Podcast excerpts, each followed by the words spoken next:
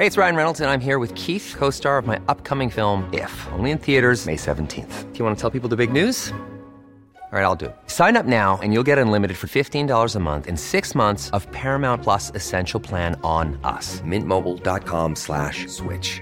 Upfront payment of $45 equivalent to $15 per month. Unlimited over 40 gigabytes per month. Face lower speeds. Videos at 480p. Active Mint customers by 531.24 get six months of Paramount Plus Essential Plan. Auto renews after six months. Offer ends May 31st, 2024. Separate Paramount Plus registration required. Terms and conditions apply if rated PG. Mother's Day is around the corner. Find the perfect gift for the mom in your life with a stunning piece of jewelry from Blue Nile. From timeless pearls to dazzling gemstones, Blue Nile has something she'll adore. Need it fast? Most items can ship overnight. Plus, enjoy guaranteed free shipping and returns. Don't miss our special Mother's Day deals. Save big on the season's most beautiful trends. For a limited time, get up to 50% off by going to BlueNile.com.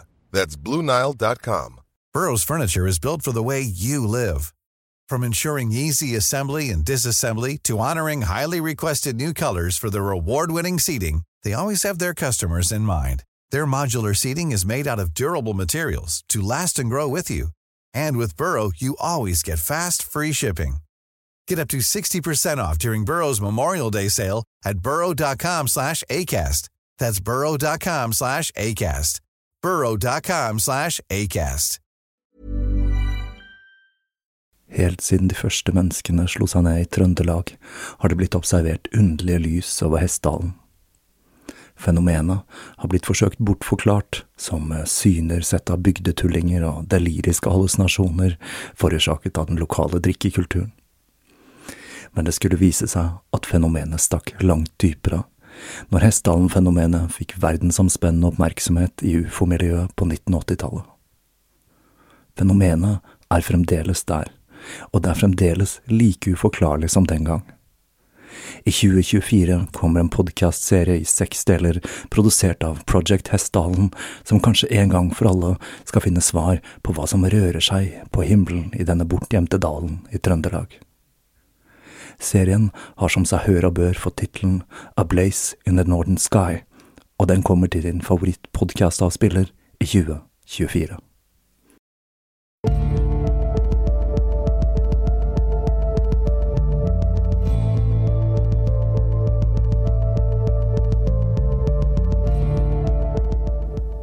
Hei og velkommen til eh, Tåkeprat. Jeg heter Even, og nå har vi kommet til eh, episode 34.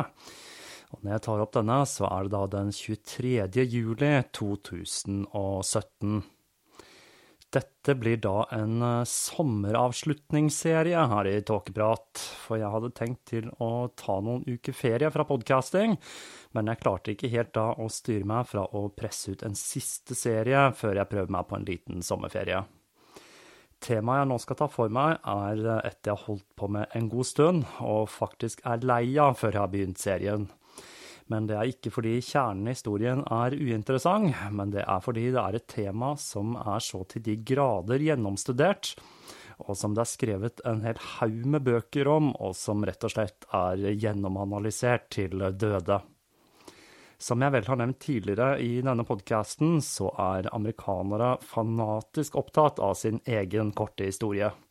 Selv om denne fortellingen like så godt kan kalles britisk historie, da personene involvert var britiske kolonister, så er denne historien blitt en del av den amerikanske folkesjelen og legemliggjørelsen av hekseprosessene. Noe som har ført til, igjen som tidligere nevnt her i Tåkeprat, at amerikanere Ja, jeg vet jeg generaliserer veldig med disse amerikanerne, i hvert fall noen av dem, tror at uh, heksebrenning er en myte. For i Salem så ble ikke heksene brent, de ble hengt. Salem er blitt et symbol på hekseri, og her finner vi i dag USAs mest spektakulære halloweenfeiring, samt et langt over gjennomsnittet antall wicca-hekser som er bosatt her. Salem er blitt et sted hvor man feirer heksetradisjoner, og ikke minst trekker turister. Det er blitt skrevet en rekke bøker om emnet, og her er jo verdt å nevne The Crucible, som er et skuespill skrevet av Arthur Miller i 1953, som da bruker hekseprosessene i Salem som en kommentar på kommunistforfølgelsene i USA på 50-tallet. Men dette verket er da fiksjon og gir ikke et riktig bilde av hva som egentlig foregikk. Jeg forholder meg til to bøker i denne serien. A Delusion of Satan av Frances Hill fra 1995. Dette er en bok som gir en utførlig utgreining av hva som skjedde i Salem, men dessverre så har den en rekke tvilsomme forklaringer på hva som forårsaket det hele, med en rekke pseudopsykologiske forklaringer og litt for hyppig bruk av den herlige gammeldagse diagnosen hysteri. Den andre boken jeg har brukt, er A Storm of Witchcraft av Emerson V. Baker fra 2014. Denne boka legger mer vekt på plausible forklaringer på hva som skjedde, men den er kanskje litt for kortfattet i gjennomgangen av selve hekseprosessene.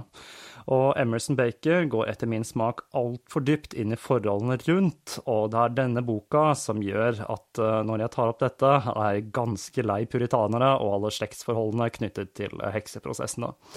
Men så er jo undertittelen til boka The American Experience, så man kan kanskje ikke forvente noe annet. Men dette kan nok være en interessant bok for de som er fryktelig interessert i tidlig amerikansk historie. Jeg har derfor bestemt meg for å kun dekke selve kjernen i hekseprosessene. Jeg kommer med vilje til å hoppe over mye av det som foregikk rundt, i forkant og etterkant av disse.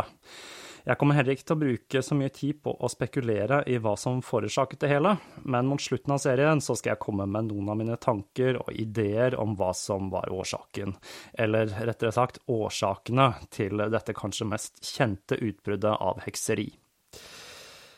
Og da skal vi til det samfunnet som danner bakteppet til Robert E. Howards Solomon Kane.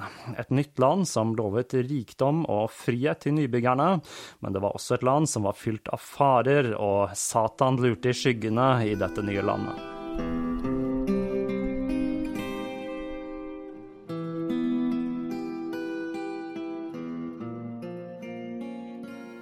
Historien vår starter i New England vinteren 1692, i en liten landsby like utenfor Salem by. Og det første utbruddet det fant sted i huset til Paris-familien. Et hus som ville virke lite for oss i dag, men det var stort i samtiden. Det var i to etasjer, med to rom i hver etasje, og med et lite tilbygg som ble brukt som ysteri og bryggeri. Uten uthuset så målte grunnflaten 78 kvadrat. Hjertet i huset det var en diger pipe, og alle rommene var utstyrt med peis for å holde vinterkulden ute. I stua var det et eh, digert ildsted som også ble brukt til å tilberede mat, og normalt så ville et hus på denne størrelsen huse 12 til 13 mennesker, men i dette huset så bodde det kun åtte. Huset var utstyrt med små glugger med mørkt glass, noe som gjorde at huset måtte opplyses med stearinlys selv på dagen i de mørkeste vintermånedene.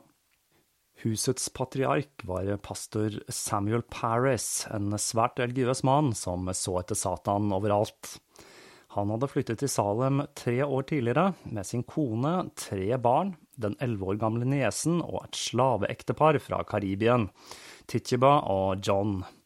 Det var relativt uvanlig å eie slaver blant puritanerne i New England på denne tiden, og enda mer uvanlig var det at eh, de var såkalte indianere. Disse villmennene ble da sett på som å være tjenere av djevelen, eller kanskje djevler selv.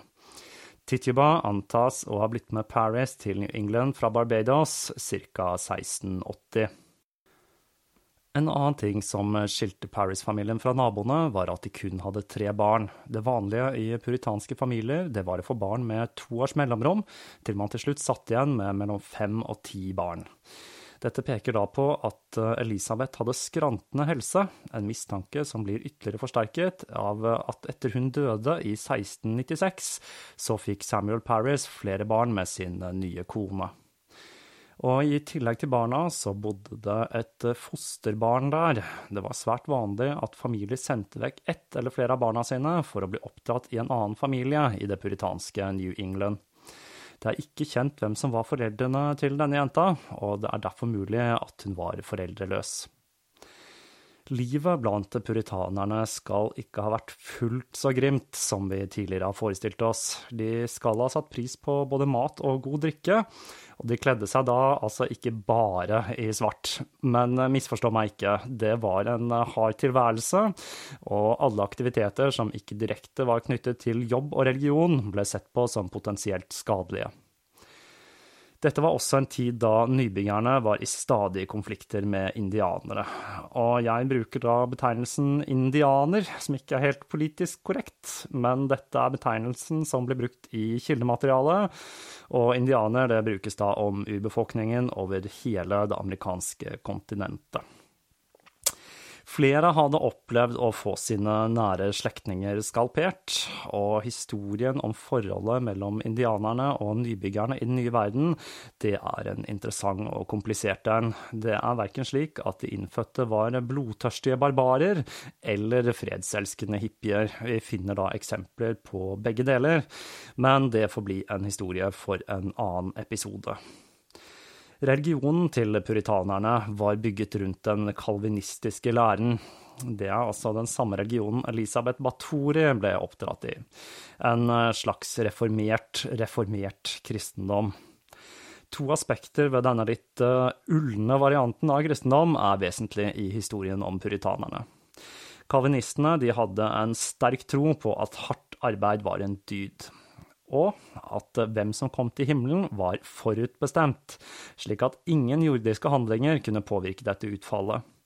Ifølge den kalvinistiske læren ville de som var utvalgt av Gud, oppføre seg deretter, og på denne måten så oppfordret religionen de troende til å leve ærbare liv for å vise at de var forutbestemt for et etterliv i himmelriket.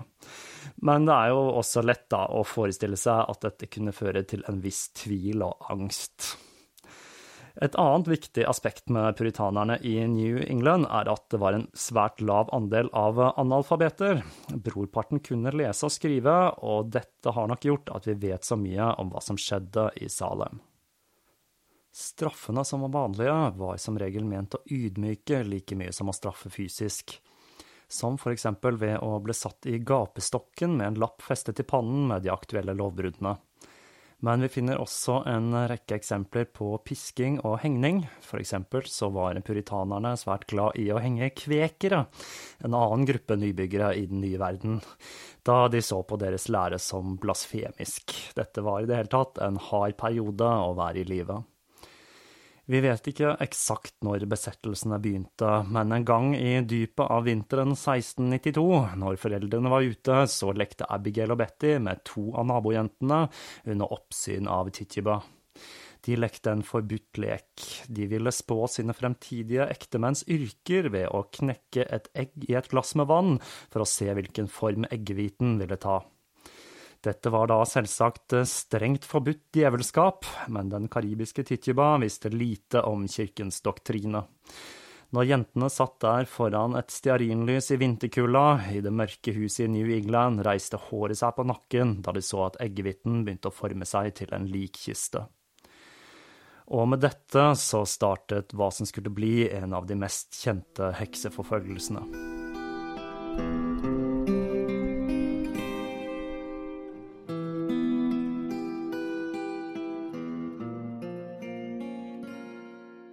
Abigail og Betty var de første som ble rammet.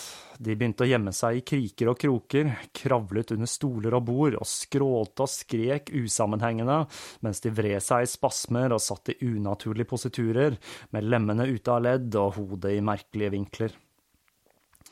De første ukene etter at de to jentene ble rammet, så ble tilstanden deres stadig verre, og doktoren ble tilkalt.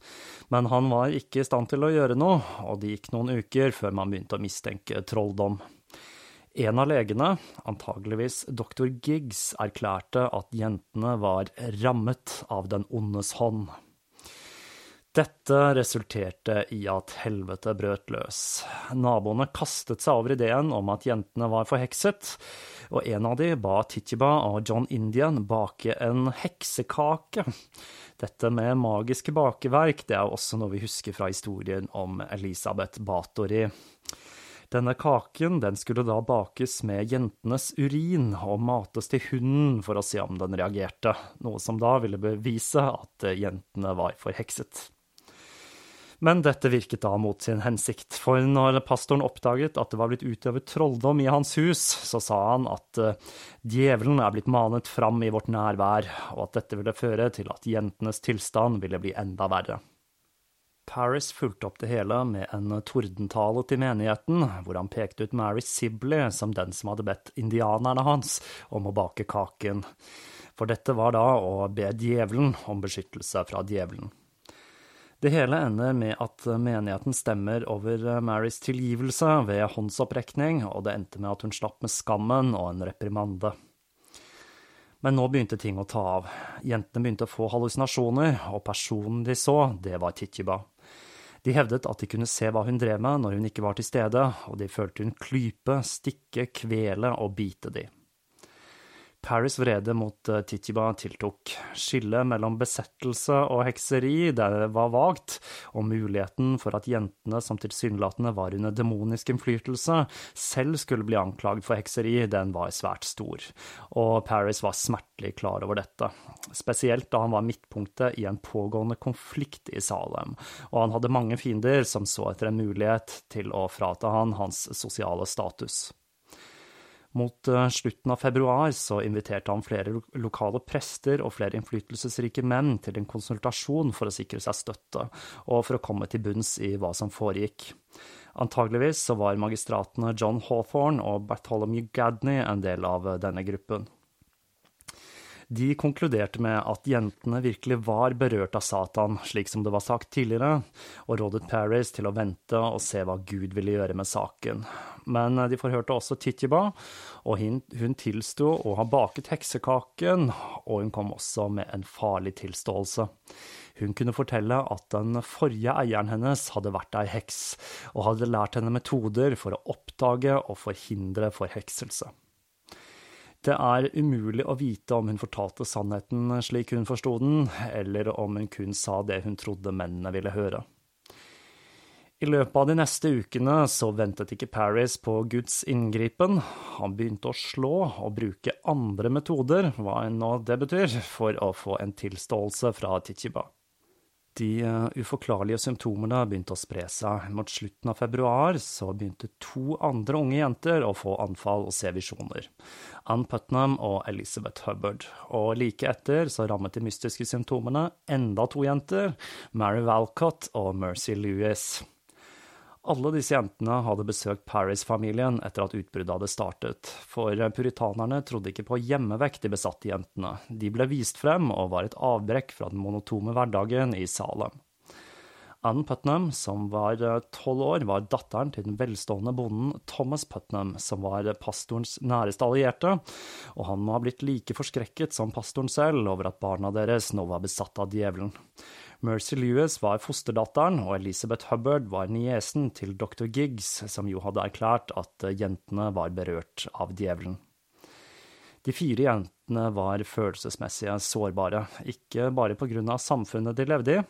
Den eneste av de som bodde med foreldrene sine, det var Ann Putnam, og det finnes en rekke ting som peker på at moren til Ann ikke var helt i vater. Ann Putnam senior hun hadde blitt fratatt all arv da hennes rike far døde, og kona og sønnene arvet alt på bekostning av døtrene.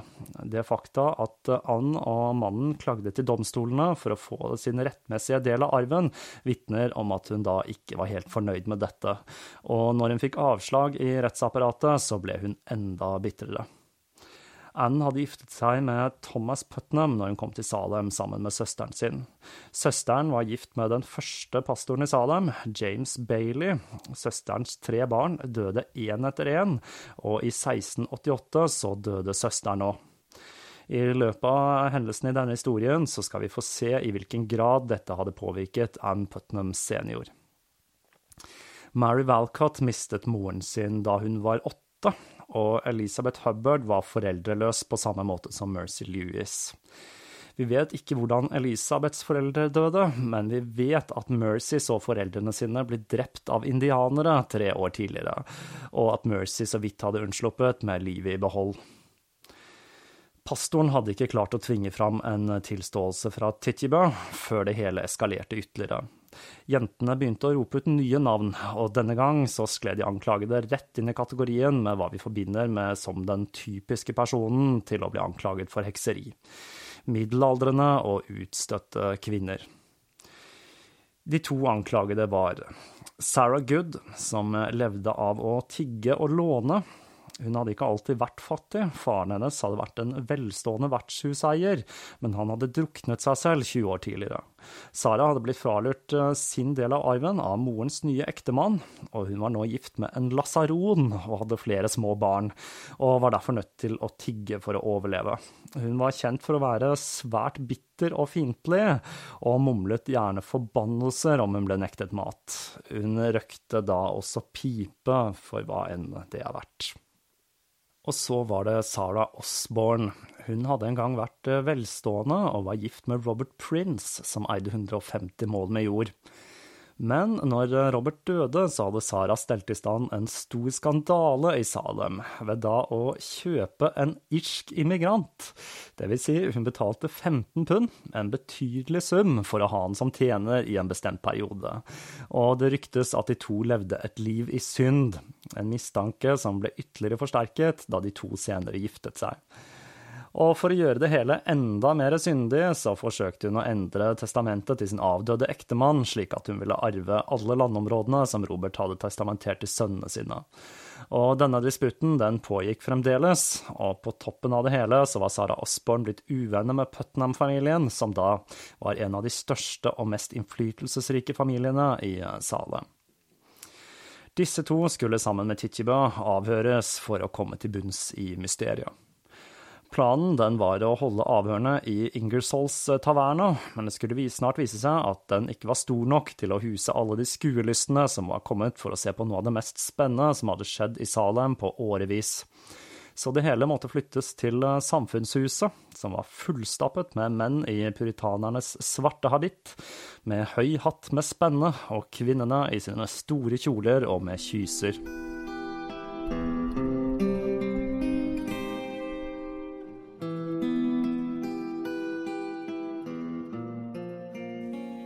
Alle kjente til anfallene, og flere hadde sett dem. Få tvilte på at djevelen var kommet på besøk i landsbyen, og hadde trollbundet tre kvinner, og gjennom de utsatt unge jenter for forferdelige lidelser. At de som kom med beskyldningene, ble omtalt som de rammede barna, selv senere når eldre Everyone knows therapy is great for solving problems, but getting therapy has its own problems too. Like finding the right therapist, fitting into their schedule, and of course, the cost. Well, BetterHelp can solve those problems. It's totally online and built around your schedule. It's surprisingly affordable too. Connect with a credentialed therapist by phone, video, or online chat, all from the comfort of your home. Visit betterhelp.com to learn more and save 10% on your first month. That's BetterHelp, H E L P. Millions of people have lost weight with personalized plans from Noom like Evan, who can't stand salads and still lost 50 pounds. Salads, generally, for most people, are the easy button, right? For me, that wasn't an option. I never really was a salad guy. That's just not who I am. But Noom worked for me. Get your personalized plan today at Noom.com. Real Noom user compensated to provide their story. In four weeks, the typical Noom user can expect to lose one to two pounds per week. Individual results may vary.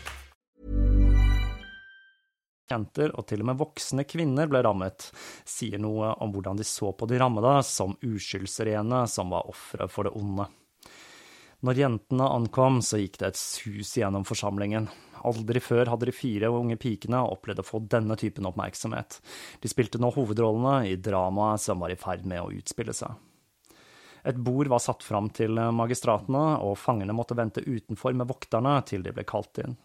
Dommerpanelet besto av John Hawthorne og Jonathan Cormin, begge medlemmer av betydningsfulle familier og viktige i lokalsamfunnet. Det var Hawthorne som skulle stå for det meste av utspørringen, da han, til tross for at han ikke hadde noen offisiell juridisk kompetanse, var den som kjente best til britisk lov. Paris eh, hysjet på forsamlingen og sa en stille bønn om hjelp for å identifisere Satans tjenere. Den første fangen ble brakt inn. Det var tiggersken Sarah Good. Hun ble ført foran magistratene, og de fire jentene ble også ført foran forsamlingen med beskjed om å se vekk fra den anklagede. En trykkende stillhet la seg over lokalet, og avhøret var i ferd med å begynne. Sarah Good, hvilke onde ånder er du alliert med? Ingen. Har du skrevet en kontrakt med djevelen? Nei. Hvorfor plager du disse barna? Jeg plager de ikke, jeg fornekter det. Hvem bruker du da til å gjøre det? Jeg bruker ingen. Hvilken skapning bruker du da? Ingen skapning, jeg er urettmessig anklaget. Hvorfor gikk du mumlende fra Mr. Parrys hus? Jeg mumlet ikke, men jeg takket han for hva han ga til barnet mitt. Har du underskrevet en kontrakt med djevelen? Nei. Så snakket Hawthorne til de fire jentene, og han ba de se på Sarah Good og fortelle om det var hun som plaget de. Jentene så på Sara og kollapset på gulvet i spasmer. De skrek og vred seg i smerte mens de pekte på hun og erklærte det er hun, det er hun som plager oss. Tilskuerne flokket til for å hjelpe jentene som vred seg i kramper på gulvet. Sara kunne ikke annet enn å stå og se på sine anklagere. Det gikk mange år før det ble spekulert i om disse anfallene var falske, men én ting er sikkert, det var ingen som tenkte den tanken når dette pågikk. Øyenvitner forteller at eh, jentene inntok unaturlige positurer à la Eksorsisten, hvor hodene vridde seg over skuldrene, armer og ben gikk ut av ledd, og det rant blod ut av eh, munn og nese. Hawthorne måtte nå rope for å høres i forsamlingen. Sarah Good, ser du ikke hva du har gjort? Fortell oss sannheten, hvorfor plager du disse barna? Jeg plager ingen, jeg fornekter det. Hvordan har det seg da at de ter seg slik? Og så, antageligvis like skremt av anfallene til jentene som de andre, så sa hun, hva vet jeg, men du brakte flere hit, og nå beskylder du meg for å ha forårsaket dette. Så hvem er det da? Jeg vet ikke, men det er noen du har brakt hit. Vi tok deg hit, ja, men to stykker til. Hvem er det da? Det var Osborne. Videre så fortsatte Hawthorne å spørre om mumlingen hennes og hennes forhold til Gud. Den neste som ble forhørt, det var Saras mindre begavede mann, han som ble omtalt som Lasaron, altså.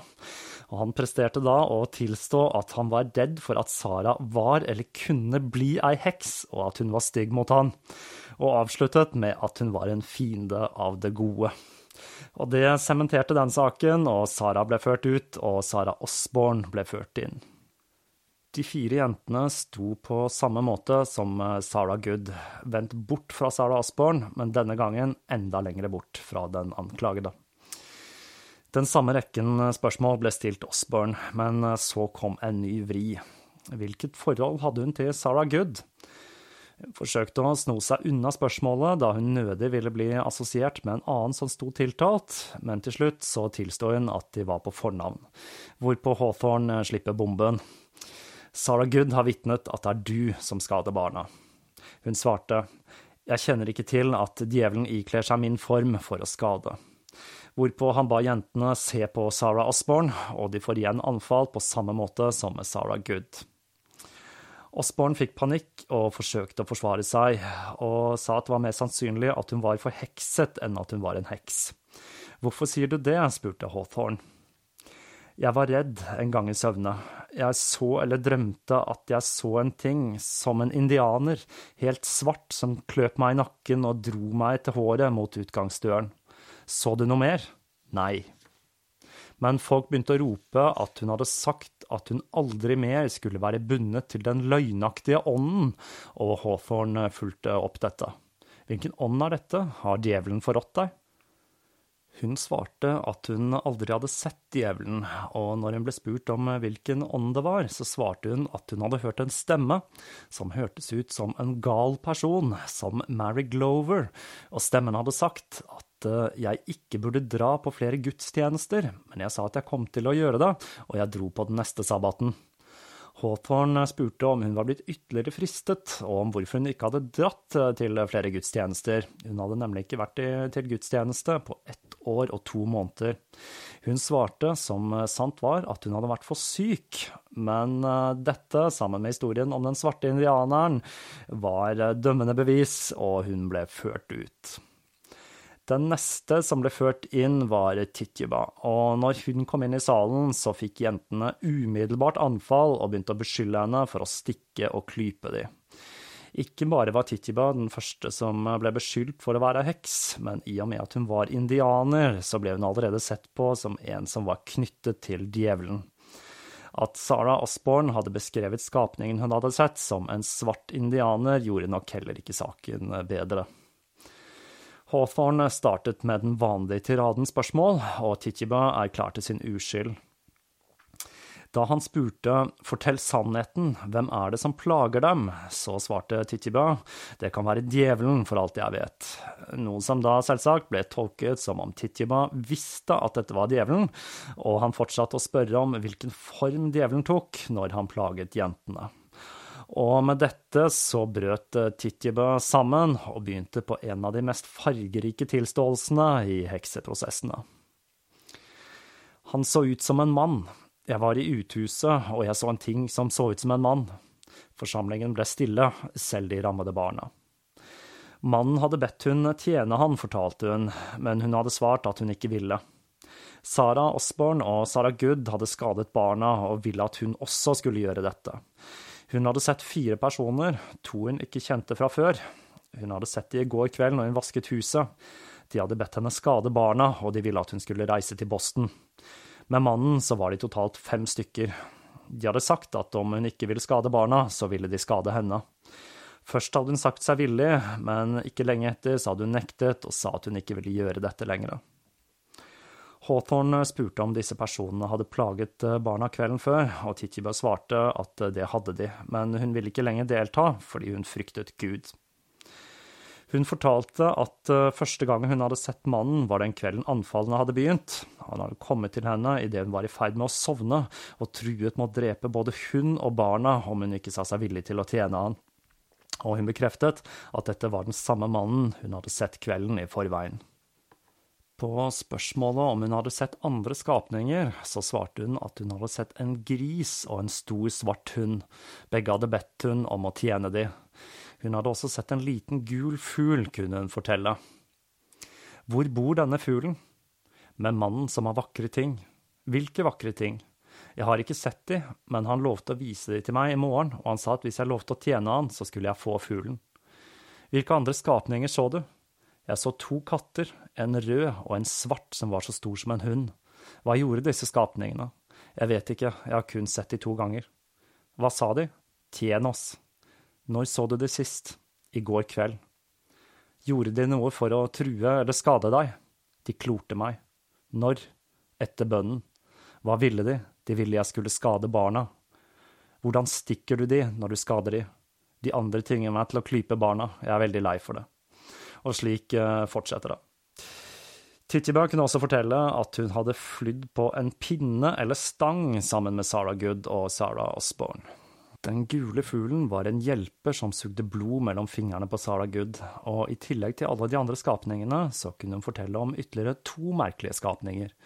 En med vinger, to bein og hodet til en kvinne, og den andre dekket i hår, så man ikke kunne se ansiktet, kun den lange nesen som stakk ut av pelsen. Videre så beskrev hun mannen. Han var stort sett kledd i svart, men noen ganger i en kappe i en annen farge, og han var høy med hvitt hår. Den bevingede kvinneskapningen hadde en svart silkehette med en hvit knyttet silkehette under. Så fikk barna igjen et kraftig anfall, og på spørsmålet om hvem som sto bak, så svarte Titjiba Goody Good. Goody er da en forkortelse for good wife, som er en benevnelse med lavere status enn frue. Etter dette så fikk Tittybell selv et anfall, kanskje i håp om at dette kunne redde henne. Men uh, om det var tilfellet, så var håpet forgjeves. De tre anklagede ble sendt i fengsel i påvente av ytterligere avhør.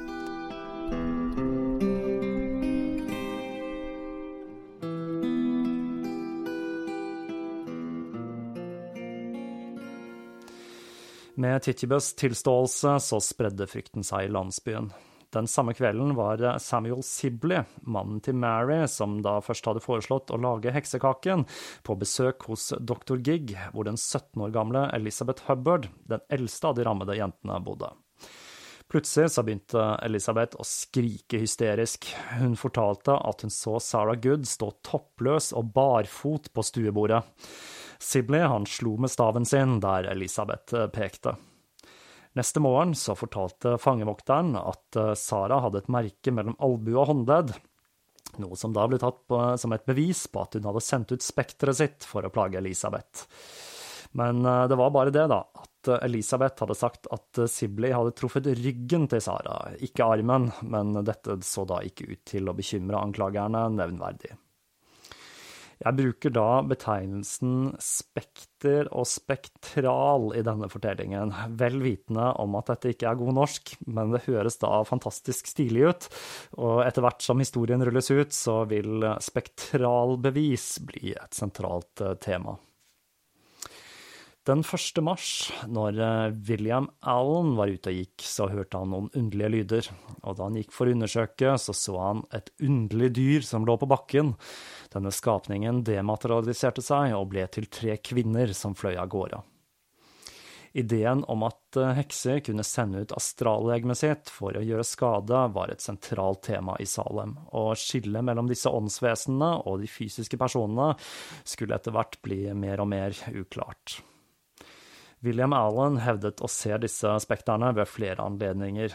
Um, den 2. mars så, så han Sarah Good bære et underlig lys inne på soverommet sitt. Han sparket etter henne, hvorpå hun forsvant. John Hughes så en stor, hvit hund som fulgte etter han før den forsvant, og samme kveld så, så han et underlig lys på soverommet sitt, og når han satte seg opp i sengen, så så han en diger, grå katt. Hver eneste dag så var det et nytt drama, og de tre anklagede ble avhørt daglig. Titjeba hun fortsatte å utbrodere historien sin. Hun hadde fått en nål av djevelen, kunne hun fortelle, så hun kunne skrive navnet sitt i djevelens bok. Den 7. mars så var avhørene ferdig, og de tre anklagede ble sendt til fengselet i Boston, hvor de skulle avvente rettssaken. Osborne og Good ble lagt i lenker, men ikke ikke siden hun hadde tilstått. Her finner vi et merkelig element i denne fortellingen. Det er faktisk de som tilstår, som slipper lettest unna. Beskyldningene begynte nå å omfatte flere enn de tre anklagede. Ann Putnam hevdet å ha sett spekteret til Elisabeth Proktor, kona til den velstående, men forhatte John Proktor, sammen med de tre andre heksene. Og hun hevdet å ha sett spekteret hennes før hun hadde sett Elisabeth i virkeligheten, og visste hvem hun var. Men den neste som skulle bli arrestert, det var ikke Elisabeth, som da tross alt hadde en høy sosial status, men det var den 65-årige Martha Corey, som riktignok var respektabel, men hun hadde da en skrape. Hun hadde nemlig en uekte sønn, som da attpåtil var mulatt, og dette i et samfunn der sex utenom ekteskapet var faktisk straffbart. Det var Ann Putnam som hadde sett spekteret til Martha Corey. Før et uh, følge dro for å spørre ut Martha, så spurte de Anne om hva Martha hadde på seg, for å bekrefte at det faktisk var hun Anne hadde sett. Men da ble Anne beleilig nok plutselig rammet av blindhet. Når uh, Martha blir avhørt, så er dette noe av det første hun spør om, nettopp om Anne hadde fortalt hva hun hadde på seg. Hun forsvarte seg svært godt og uttrykket en skepsis over det hele som eh, foregikk, og først så får hun være i fred. Men da hun den 14. mars drar til Putnams for å konfrontere Anne med beskyldningene mot henne, så får både Anne og tjeneren Mercy Lewis anfall, og de hevder de ser en gul fugl suge blod mellom fingrene hennes. Fire dager senere så opplever Anns mor et eh, trykk mot brystet og får følelsen av å bli kvalt når hun legger seg ned for å hvile, og hun hevdet da at hun hadde sett eh, spekteret til Martha, som eh, nå ble arrestert mistenkt for hekseri. Nå var det ikke lenger kun de rammede jentene, altså, som kom med beskyldninger. Mary Walcott var på besøk hos eh, pastor Diodot Lawson, som var kommet til Salem for å se hva som foregikk der, og plutselig så skriker Mary til. Håndleddet, skriker hun. Og når Diodot undersøker håndleddet hennes med et stearinlys, så kunne han se tydelige bitemerker. Senere den samme kvelden så fikk han se Abigail ha et voldsomt anfall, hvor det så ut til at hun forsøkte å fly med utstrakte armer, mens hun ropte ønsk, ønsk, ønsk, og hun sa at hun så spekteret til Goodwife Nurse, som rakte henne djevelens bok og ba hun skrive under. Så begynte hun å ta glør fra peisen og kaste det rundt i huset. Lawson ble fortalt at anfallene til Abigail ofte innebar at hun kravlet rundt i peisen og kastet glør. Her var det ja, altså en reell grunn til bekymring, i hvert fall med tanke på brannfare, da. Avhøret av Martha Corey var noe som minnet om rettssaken i Alice i Eventyrland, mer enn en ordinær rettssak. Spørsmålene var i stor grad de samme som i de tidligere avhørene, men nå begynte de rammede jentene å trekke anfallene sine til nye høyder. Hver gang Martha beit seg i leppen, så skrek de at hun bet i leppen. Om hun lente seg framover, så fikk de smerter i brystet. Om hun lente seg bakover, så fikk de smerter i ryggen, og de fikk bitemerker som de villig viste frem til magistratene. På et tidspunkt så begynte hun å le. Eh, det hele ble nok litt for absurd for Martha, men dette ble da tatt som en bekreftelse på skyld. Hun hadde nok også ventet at mannen hennes skulle støtte henne, men han var begynt å tvile på sin kones uskyld. Når hun løftet foten, så trampet jentene med sine. De etterapet alle bevegelsene hennes. De så den svarte mannen og den gule fuglen. Hun hadde en nål hun brukte til å stikke seg med, så fuglen kunne drikke blod, sa de. Hun hadde gjemt den i håret. Og helt riktig, i håret hennes så fant de en nål. At eh, denne var til å holde håret oppe og ikke til å mate en overnaturlig fugl, det falt ikke magistratene inn og til tross for at Martha hardnakket hevdet sin uskyld, så ble hun fengslet for videre avhør.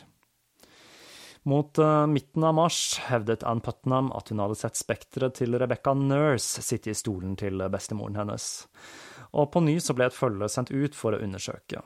Rebecca hun var syk og sengeliggende i andre etasje i huset hun bodde i.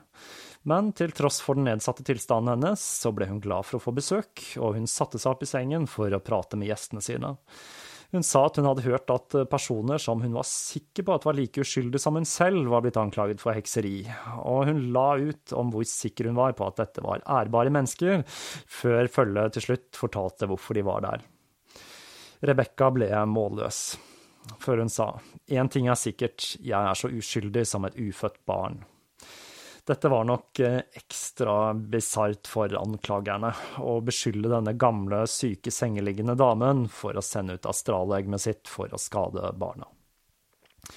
Men Rebekka hadde også noe snusk i fortiden eh, sin. Hennes mor var nemlig blitt anklaget for hekseri, men var blitt frifunnet, men da under tvil. Og som vi jo vet, så går hekseri ofte i arv. Beskyldningene fortsatte, og Rebekka ble avhørt på samme måte som Martha, sammen med enda en person som nå var anklaget for hekseri. Datteren til Sarah Good, Dorcas, i et avhør som utspilte seg på samme måte som sist, hvor de rammede jentene apet etter de tiltalte, vred seg i smerte når de flyttet på seg, trampet med føttene og fikk bitemerker.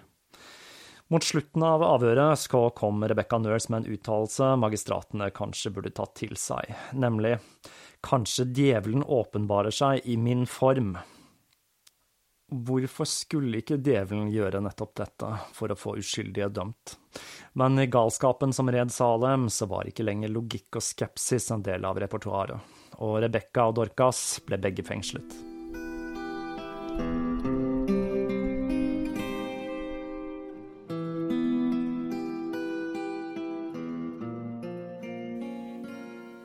Der forlater vi Salem for eh, denne gang. Som vi ser, så dreier denne historien seg like mye om personforfølgelse, heksejakt og gruppetenkning som den dreier seg om hekser. Selv om det da er mystiske elementer i historien, spesielt med tanke på anfallene til anklagerne. Dette er en historie som dessverre gjentar seg igjen og igjen, selv i våre dager, og da med ny teknologi som hjelpemiddel. Jeg kan på det varmeste anbefale So You Have Been Publicly Shamed av John Ronson, som tar for seg nettopp dette fenomenet i sosiale medier, hvor denne typen heksejakt fremdeles lever i beste velgående. Og fram til neste episode så gjenstår det bare å si på gjenhør.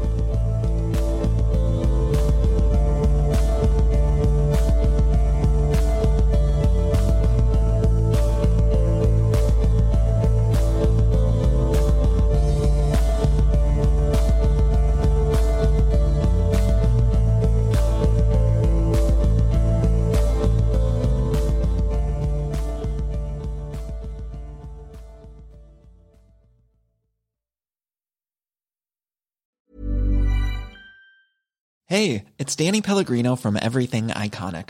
Ready to upgrade your style game without blowing your budget? Check out Quince. They've got all the good stuff shirts and polos, activewear, and fine leather goods, all at 50 to 80% less than other high end brands. And the best part? They're all about safe, ethical, and responsible manufacturing. Get that luxury vibe without the luxury price tag. Hit up quince.com slash upgrade for free shipping and 365 day returns on your next order. That's quince.com slash upgrade. Planning for your next trip? Elevate your travel style with Quince. Quince has all the jet setting essentials you'll want for your next getaway, like European linen, premium luggage options, buttery soft Italian leather bags, and so much more. And is all priced at 50 to 80% less than similar brands. Plus, Quince only works with factories that use safe and ethical manufacturing practices. Pack your bags with high-quality essentials you'll be wearing for vacations to come with Quince. Go to quince.com/pack for free shipping and 365-day returns.